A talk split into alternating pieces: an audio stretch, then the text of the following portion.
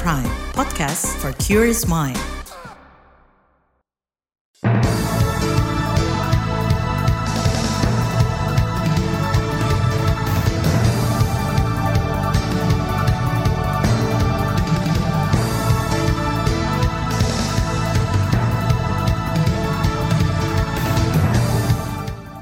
Selamat pagi saudara, berjumpa kembali dalam program Buletin Pagi edisi Senin 24 Juli 2023. Saya Naomi Liandra. Sejumlah informasi pilihan telah kami siapkan di antaranya, Hari Anak Nasional ribuan anak mengalami kasus kekerasan. Kejaksaan Agung periksa Erlangga Hartarto.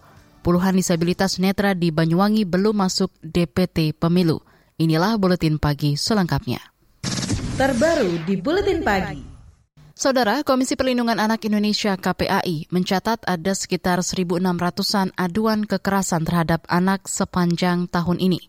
Karena itu menurut Ketua KPAI, Ai Mariati Solihah, perlu upaya cepat dari pemerintah untuk melindungi anak-anak dari tindak kekerasan pengaduan dari masyarakat itu satu kepercayaan publik ya. Ini harus dilihat dalam berbagai dimensi. Pertama, yang kedua, alarm buat kita semua bahwa situasi kekerasan, ya, situasi pelanggaran hak anak itu tetap marak dan membutuhkan responsibilitas di antara kita. Ketiga, ini sebuah tantangan besar bagi lembaga penyelenggaraan eh, pemenuhan hak dan perlindungan anak. Mengapa dikatakan demikian? Karena tentu saja kalau yang teradukan itu saja kita belum bisa secara optimal apalagi yang tidak teradukan. Ketua KPAI, Ai Mariati Soliha mendorong pemerintah pusat dan daerah mempercepat program-program perlindungan anak. Utamanya pada wilayah tertinggal, terdepan, dan terluar alias 3T. Sebab masih ada kesenjangan dalam upaya perlindungan anak. Selain itu, upaya penyelesaian kekerasan anak secara hukum, pendampingan hingga pemenuhan hak-hak anak juga masih menjadi masalah yang perlu segera dibenahi. Wakil Presiden Maruf Amin meminta jajarannya memprioritaskan dan mengoptimalkan penyelenggaraan perlindungan anak sesuai peran dan kapasitas masing-masing. Kata Wapres, negara berkomitmen memberi ruang aman dan perlindungan bagi anak agar terhindar dari praktik kekerasan. Hal itu disampaikan Wapres dalam sambutan pada acara Hari Anak Nasional 2023 di Semarang kemarin. Kembangkan kebijakan dan program yang kreatif dan inovatif jamin pemenuhan anak hak anak untuk hidup, tumbuh, berkembang dan berpartisipasi sesuai dengan harkat dan martabat kemanusiaan. Pastikan anak-anak mendapat perlindungan dari segala bentuk kekerasan dan diskriminasi. Wakil Presiden Ma'ruf Amin menambahkan peringatan Hari Anak Nasional harus menjadi momentum dan bentuk penghormatan, penghormatan, perlindungan dan pemenuhan hak anak sebagai generasi penerus. Sementara itu Kementerian Pemberdayaan Perempuan dan Perlindungan Anak Kemen PPPA berkomitmen memperjuangkan dan memenuhi hak-hak anak Indonesia. Menteri PPPA Bintang Puspayoga mengatakan seluruh kementerian dan lembaga juga harus berperan aktif memenuhi dan melindungi hak-hak anak yang menjadi korban kekerasan kita semua masih perlu bersama-sama memperjuangkan hak-hak dan perlindungan anak Indonesia agar bangsa kita tumbuh menjadi bangsa yang maju dan sejahtera. Mari kita bangun sinergi, mari kita bangun kolaborasi, mari kita bangun komitmen untuk mewujudkan Indonesia layak anak 2030 dan Indonesia emas 2045. Menteri Bintang menambahkan Kementerian PPPA telah menyediakan layanan telepon khusus bagi anak korban kekerasan untuk melapor. Dia menjamin negara akan melindungi anak dari ancaman kekerasan seksual dan eksploitasi. Berdasarkan data Kementerian PPPA, ada 21 ribuan anak yang menjadi korban kekerasan pada tahun lalu. Bentuknya mulai dari kekerasan fisik, psikis, seksual, perdagangan orang, hingga eksploitasi. Dari ribuan kasus tersebut, terbanyak adalah kekerasan seksual, mencapai 9.500-an. Sementara itu, menurut Wakil Ketua Komisi Perlindungan Anak DPR, Diah Pitaloka, maraknya praktik kekerasan terhadap anak terjadi karena lemahnya payung hukum di daerah. Dia mendorong pemerintah memperkuat peraturan-peraturan mengenai perlindungan anak. Memang yang harus diperkuat menurut saya di ruang-ruang peraturan pelaksanaan dan juga mungkin diperkuat di peraturan-peraturan daerah gitu ya. Karena problem perlindungan mendasarnya itu kan ada di dalam ruang kehidupan sehari-hari masyarakat ya dan juga sistem pengawasannya, sistem perlindungannya. Saya rasa juga perlu penguatan anggaran untuk lembaga-lembaga yang menaungi perlindungan anak gitu. Karena itu kita rasakan uh, masih sangat sangat minim ya. Wakil Ketua Komisi Perlindungan Anak DPR, Dia Pitaloka, menambahkan sistem pengawasan juga harus ditingkatkan, sebab lemahnya pengawasan menjadi salah satu faktor maraknya kasus kekerasan pada anak. Saat ini DPR tengah membahas rancangan undang-undang tentang pengasuhan anak. RUU itu diyakini akan melengkapi sistem pengasuhan anak yang menyeluruh.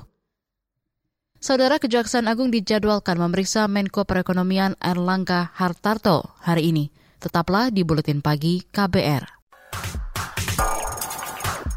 You're listening to KBR Pride, podcast for curious mind. Enjoy!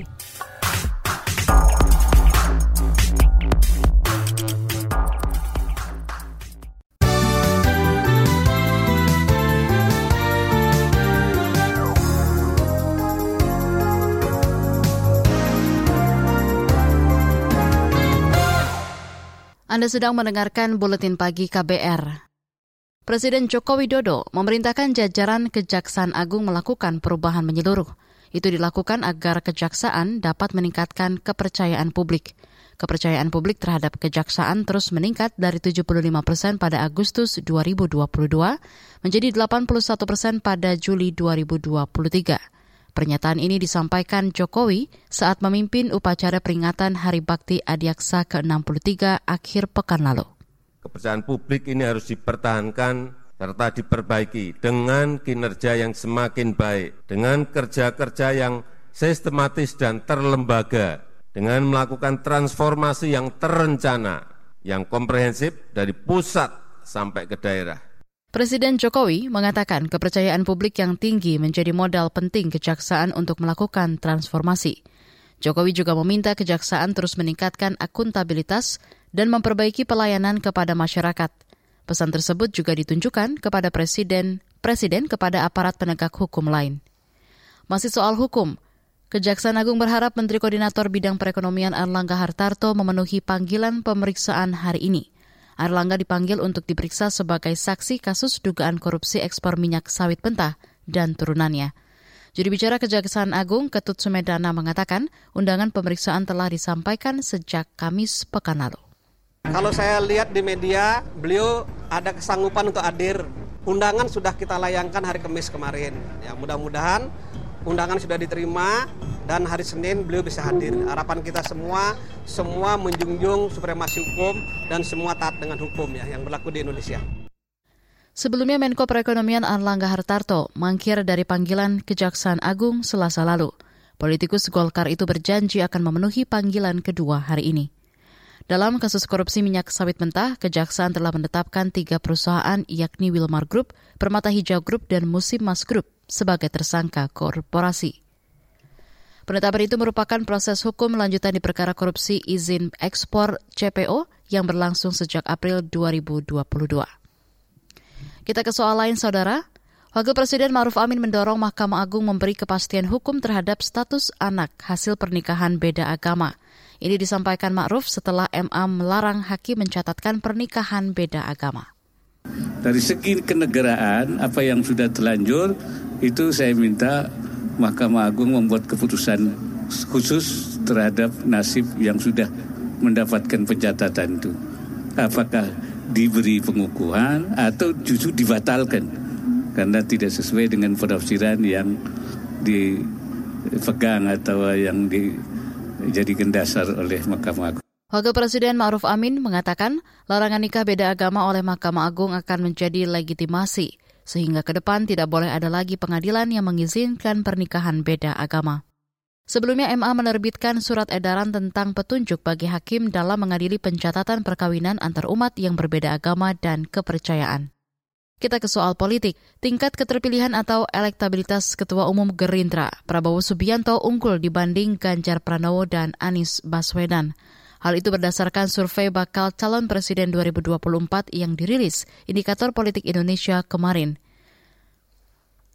Direktur Eksekutif Indikator Politik Indonesia Burhanuddin Muhtadi mengatakan Prabowo unggul di kelompok usia generasi Z, milenial dan baby boomers, sementara Ganjar hanya unggul di generasi X. sampai tiga nama perbedaan Ganjar dan Prabowo Subianto masih neck to neck gitu ya meskipun Prabowo unggul tapi keunggulannya tipis dan Mas Anies di peringkat ketiga kisaran 21 persen selisih kurang lebih sekitar 14 persen dibanding Ganjar. Burhanuddin Mutadi menambahkan, tren kenaikan elektabilitas capres akan terus terjadi dan polanya akan berubah-ubah. Survei ini digelar 20 hingga 24 Juni 2023 dengan metode wawancara terhadap 1.220 responden. Batas kesalahan 2,9 persen dengan tingkat kepercayaan 95 persen. Masih soal politik. Ketua Umum Partai Kebangkitan Bangsa PKB, Muhaimin Iskandar, mewanti-wanti kadernya agar tidak korupsi dana desa. Muhaimin mengatakan Indonesia butuh reformasi pemerataan pembangunan desa – Hal ini disampaikan saat memberikan sambutan di acara Harlah ke-25 PKB di Solo kemarin. Terbukti dengan otonomi daerah pembangunan bergeliat dengan baik dan lancar. Amin. Ini perintah yang kelima. Saya minta seluruh kader PKB mengamankan dana desa harus bersih dan bebas dari korupsi. Sanggup? Ketua Umum PKB Muhaimin Iskandar menilai pembangunan desa di era Presiden Jokowi sudah bagus dan perlu dilanjutkan. Dia minta semua kadernya solid dalam membangun kemajuan dan pemerataan di tanah air. Beralih ke berita kesehatan, Wakil Menteri Kesehatan Dante Saksono melarang komersialisasi ginjal. Dia meminta masyarakat tidak memperjualbelikan ginjal tanpa mematuhi kaidah yang berlaku. Ini disampaikan Dante merespons kasus perdagangan organ ginjal yang belum lama ini terungkap. Donor ginjal itu sangat sangat baik, tetapi yang tidak baik adalah kalau ini dikomersialisasikan. Kalau penyumbangan donor kepada keluarga, kepada mereka yang membutuhkan berdasarkan atas uh, kaidah-kaidah etika dan etika kaidah-kaidah yang berlaku dan hukum yang berlaku tidak masalah. Sebelumnya polisi menetapkan 12 orang tersangka tindak pidana perdagangan orang TPPO yang menjual organ ginjal di Kamboja. Dari belasan tersangka itu salah satunya merupakan polisi. Perdagangan ginjal itu telah memakan 122 korban. Beralih ke berita ekonomi, Sektor industri manufaktur mencatatkan investasi 270 triliun sepanjang semester 1 tahun ini. Angka itu naik 17 persen dibanding capaian pada periode sama tahun lalu. Dikutip dari antara capaian investasi sektor manufaktur itu menyumbang 39 persen dari total investasi di Indonesia. Menteri Perindustrian Agus Gumiwang mengatakan capaian ini menunjukkan peningkatan yang cukup signifikan. Sinyal positif tersebut sejalan dengan tubuhnya perekonomian di Indonesia. Kita ke berita mancanegara. Sebanyak 31 orang tewas dan puluhan lain hilang akibat banjir bandang yang menerjang Afghanistan. Bencana itu terjadi pada Sabtu malam. Dilansir dari CNN, banjir juga merusak 600-an rumah dan ratusan hektar pertanian serta perkebunan. Juri bicara Taliban Sabihullah mengatakan bantuan telah dikerahkan ke lokasi bencana. Afghanistan kerap dilanda banjir saat musim hujan lebat.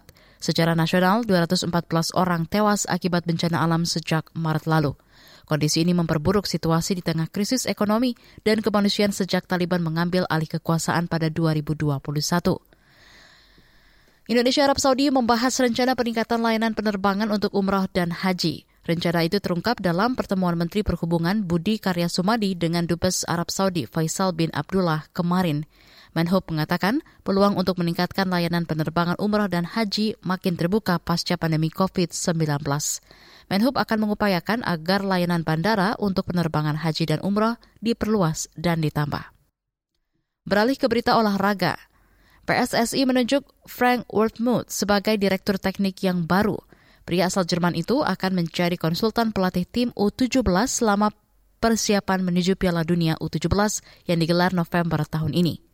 Frank Wormuth pernah mendukangi tim asal Belanda FC Groningen dan pernah menjadi manajer tim Jerman U20 pada 2010-2016. Ketua Umum PSSI Erick Thohir mengatakan Frank akan mendampingi pelatih tim U17 Bima Sakti. Dalam kontrak selama empat bulan, Frank akan membantu PSSI membangun tim U17. Bergeser ke badminton, Ganda putra Indonesia Fajar Alfian Rian Ardianto menjadi runner-up di turnamen Korea Terbuka 2023. Pasangan terbaik dunia itu kalah dari wakil India, Rankredi Seti di laga final kemarin. sempat menang di game pertama dengan skor 21-17. Fajar Rian kalah di dua game selanjutnya.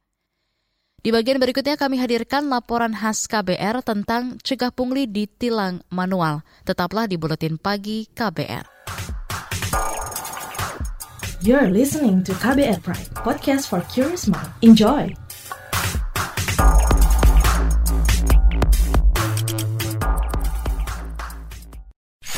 Commercial break. Commercial break. Yang baru, yang baru, yang baru. Tidak ada yang lebih baru dari kabar baru. Cukup 5 menit bisa perbaharui informasi kamu. Cukup 5 menit berita terbaru ada di genggamanmu. 5 menit sayang untuk dilewatkan karena kabar baru diramu dengan kualitas jurnalistik terbaik didukung puluhan reporter dan kontributor di Jakarta dan berbagai kota di tanah air. Simak hanya di kbrprime.id. Cukup search kabar baru, kamu akan dapatkan informasi teraktual dalam 5 menit.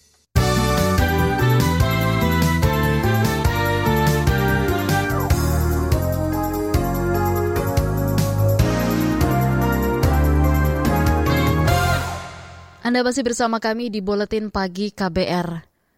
Kasus pungutan liar atau pungli merupakan salah satu masalah besar yang kerap terjadi di dalam negeri. Kebijakan pemerintah menghapus tilang elektronik dan mengembalikan lagi sistem tilang manual dinilai membuka celah terjadinya pungli di tanah air. Apa upaya yang harus dilakukan untuk mencegah pungli saat penerapan tilang manual? Berikut selengkapnya laporan yang disusun jurnalis KBR Astri Septiani.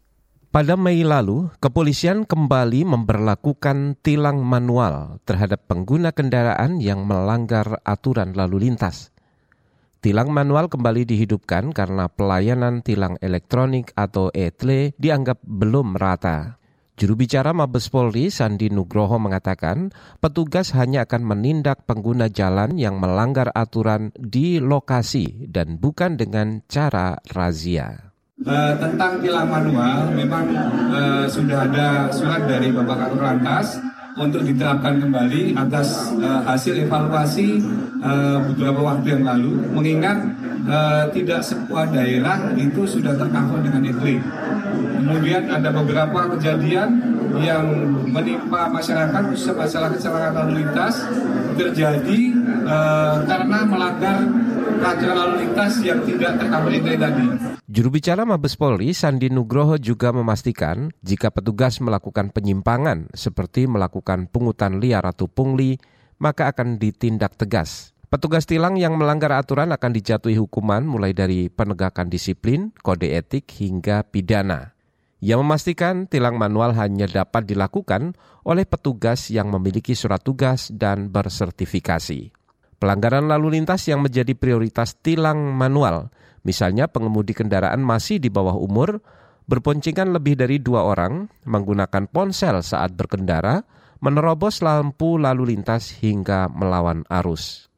Komisi Hukum DPR meminta agar pimpinan Polri menyiapkan sanksi tegas kepada aparat yang terlibat melakukan pungli pada tilang manual. Anggota Komisi Hukum DPR Santoso mengatakan, tilang elektronik atau etle sebetulnya efektif menekan angka pungli. Namun penerapannya terkendala anggaran yang minim dan infrastruktur belum merata. Jika tilang manual kembali diberlakukan, Santoso meminta Polri bertindak tegas terhadap anggota yang melakukan penyelewengan jabatan atau melakukan pungli kepada masyarakat. Kalaupun dilakukan jangan sampai terjadi penyalahgunaan dan jika itu disalahgunakan maka pimpinan Polri harus tegas bertindak agar tidak ada penyimpangan-penyimpangan lagi di lapangan oleh aparat-aparatnya. Jangan lagi ada suap oleh pengguna jalan yang melakukan pelanggaran kepada petugas di lapangan. Dan jika itu terjadi, ya harus diberikan sanksi yang keras, yang berat bagi aparat di lapangan agar tidak mengulangi perbuatannya lagi. Anggota Komisi Bidang Hukum DPR Santoso juga meminta masyarakat ikut berperan aktif menekan kasus pungli, antara lain dengan bersikap bijak dan cermat dalam berkendara. Sementara itu, pengamat kepolisian dari Institute for Security and Strategic Studies atau ISIS, e Khairul Fahmi menyarankan pimpinan Polri lebih fokus meningkatkan profesionalisme anggotanya supaya tidak lagi ada anggota polisi yang melakukan pungli saat menilang pengendara kendaraan bermotor. Fahmi mengatakan bagaimanapun pungli akan tetap muncul apabila belum ada rasa profesionalisme dalam diri anggota saat bertugas. Fahmi mengatakan tilang elektronik sebetulnya cukup efektif dalam menindak para pelanggar lalu lintas.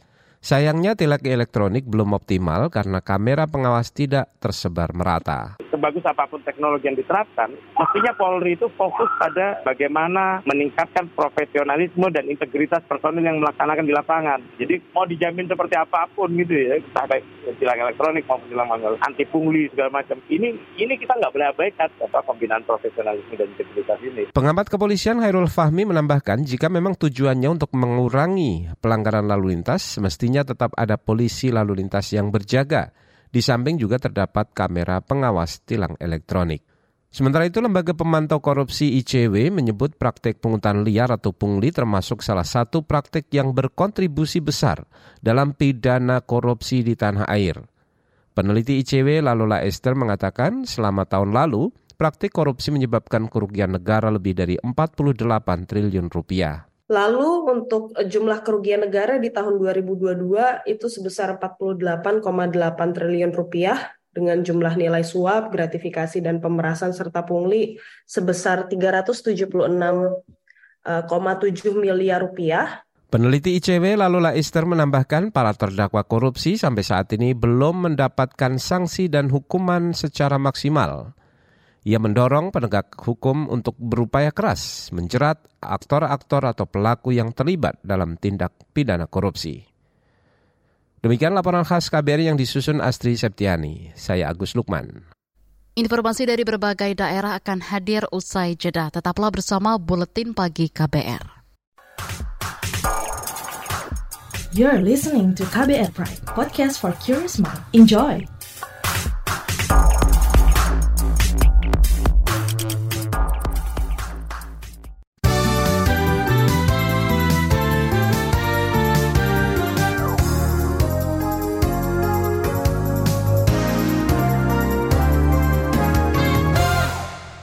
Inilah bagian akhir buletin pagi KBR. Saudara Presiden Joko Widodo menyinggung perbaikan ruas jalan Solo Purwodadi yang tidak pernah beres. Hal itu disampaikan Jokowi usai meninjau perbaikan jalan Surakarta Gemolong Purwodadi kemarin. Memang khusus untuk jalan ini, ini memang saya dari kecil, saya kan tiap hari, bukan tiap tiap hari saya lewat jalan ini, nggak pernah beres. Presiden Jokowi berharap dengan konstruksi yang menelan biaya dua kali lebih mahal jalan tersebut dapat digunakan dalam jangka waktu yang lebih panjang hingga 10 tahun. Kata dia pemerintah telah menganggarkan 7 triliun rupiah untuk perbaikan jalan di seluruh tanah air pada tahap pertama. Bergeser ke Jawa Timur, puluhan penyandang disabilitas netra di Kabupaten Banyuwangi belum masuk daftar pemilih tetap DPT Pemilu 2024. Salah satu penyebabnya lantaran mereka tak memiliki KTP elektronik. Alasannya, menurut Ketua Persatuan Tunanetra Indonesia Pertuni Banyuwangi, Randy, proses pembuatan IKTP dipersulit aparat pemerintahan desa setempat. Sehingga ketika usianya itu sudah usia KTP, dia masih belum punya KTP karena keluarganya tidak mau mengeluarkan dia. Nah, inilah yang menjadi PR kami. Tetapi kalau yang sudah terjaring itu ada sekitar 21 orang, Mas, yang belum punya KTP, tapi yang kita sudah tahu alamatnya bahkan ada yang sudah tua mas ada yang sudah usia lanjut tapi karena mungkin beliau ini hidupnya sebatang kara jadi nggak tahu ya urus KTP itu harus bagaimana Ketua Pertuni Banyuwangi, Randy menduga masih ada penyandang disabilitas lain yang tidak memiliki IKTP. Sementara itu, Kepala Dinas Kependudukan dan Catatan Sipil Banyuwangi, Juang Pribadi, mengatakan siap memfasilitasi pembuatan IKTP dan data lainnya. Gubernur Jawa Barat Ridwan Kamil tidak mempermasalahkan upaya gugatan yang diajukan pengasuh pondok pesantren Al Zaitun Panji Gumilang. Panji menggugat Ridwan Kamil secara perdata ke Pengadilan Negeri Bandung Menurut Kamil, itu merupakan konsekuensi hukum yang harus dia hadapi. Tidak ada masalah dalam hidup, semua urusan ada konsekuensi hukum. Yang penting kita selalu berdasar pada asas dan uh, aspek hukum. Sudah sering saja. Sebelumnya pengasuh pondok pesantren Al Zaitun, Panji Gumilang, menggugat Ridwan Kamil karena dinilai terlalu cepat mengambil kesimpulan terkait polemik ponpesnya. Pernyataan Ridwan Kamil dinilai merugikan Panji. Ponpes Al Zaitun menuai sorotan karena pernyataan yang disampaikan pengasuhnya Panji Gumilang. Di antaranya ketika Panji menyatakan perempuan bisa menjadi khatib sholat Jumat dan memperbolehkan jemaah tidak merapatkan saf. Informasi tadi menutup jumpa kita di Buletin Pagi hari ini.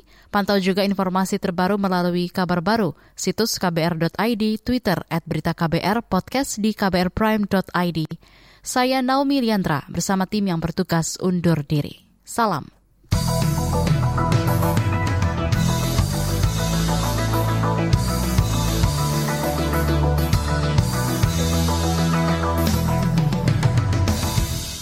KBR Prime, cara asik mendengar berita. KBR Prime, podcast for curious mind.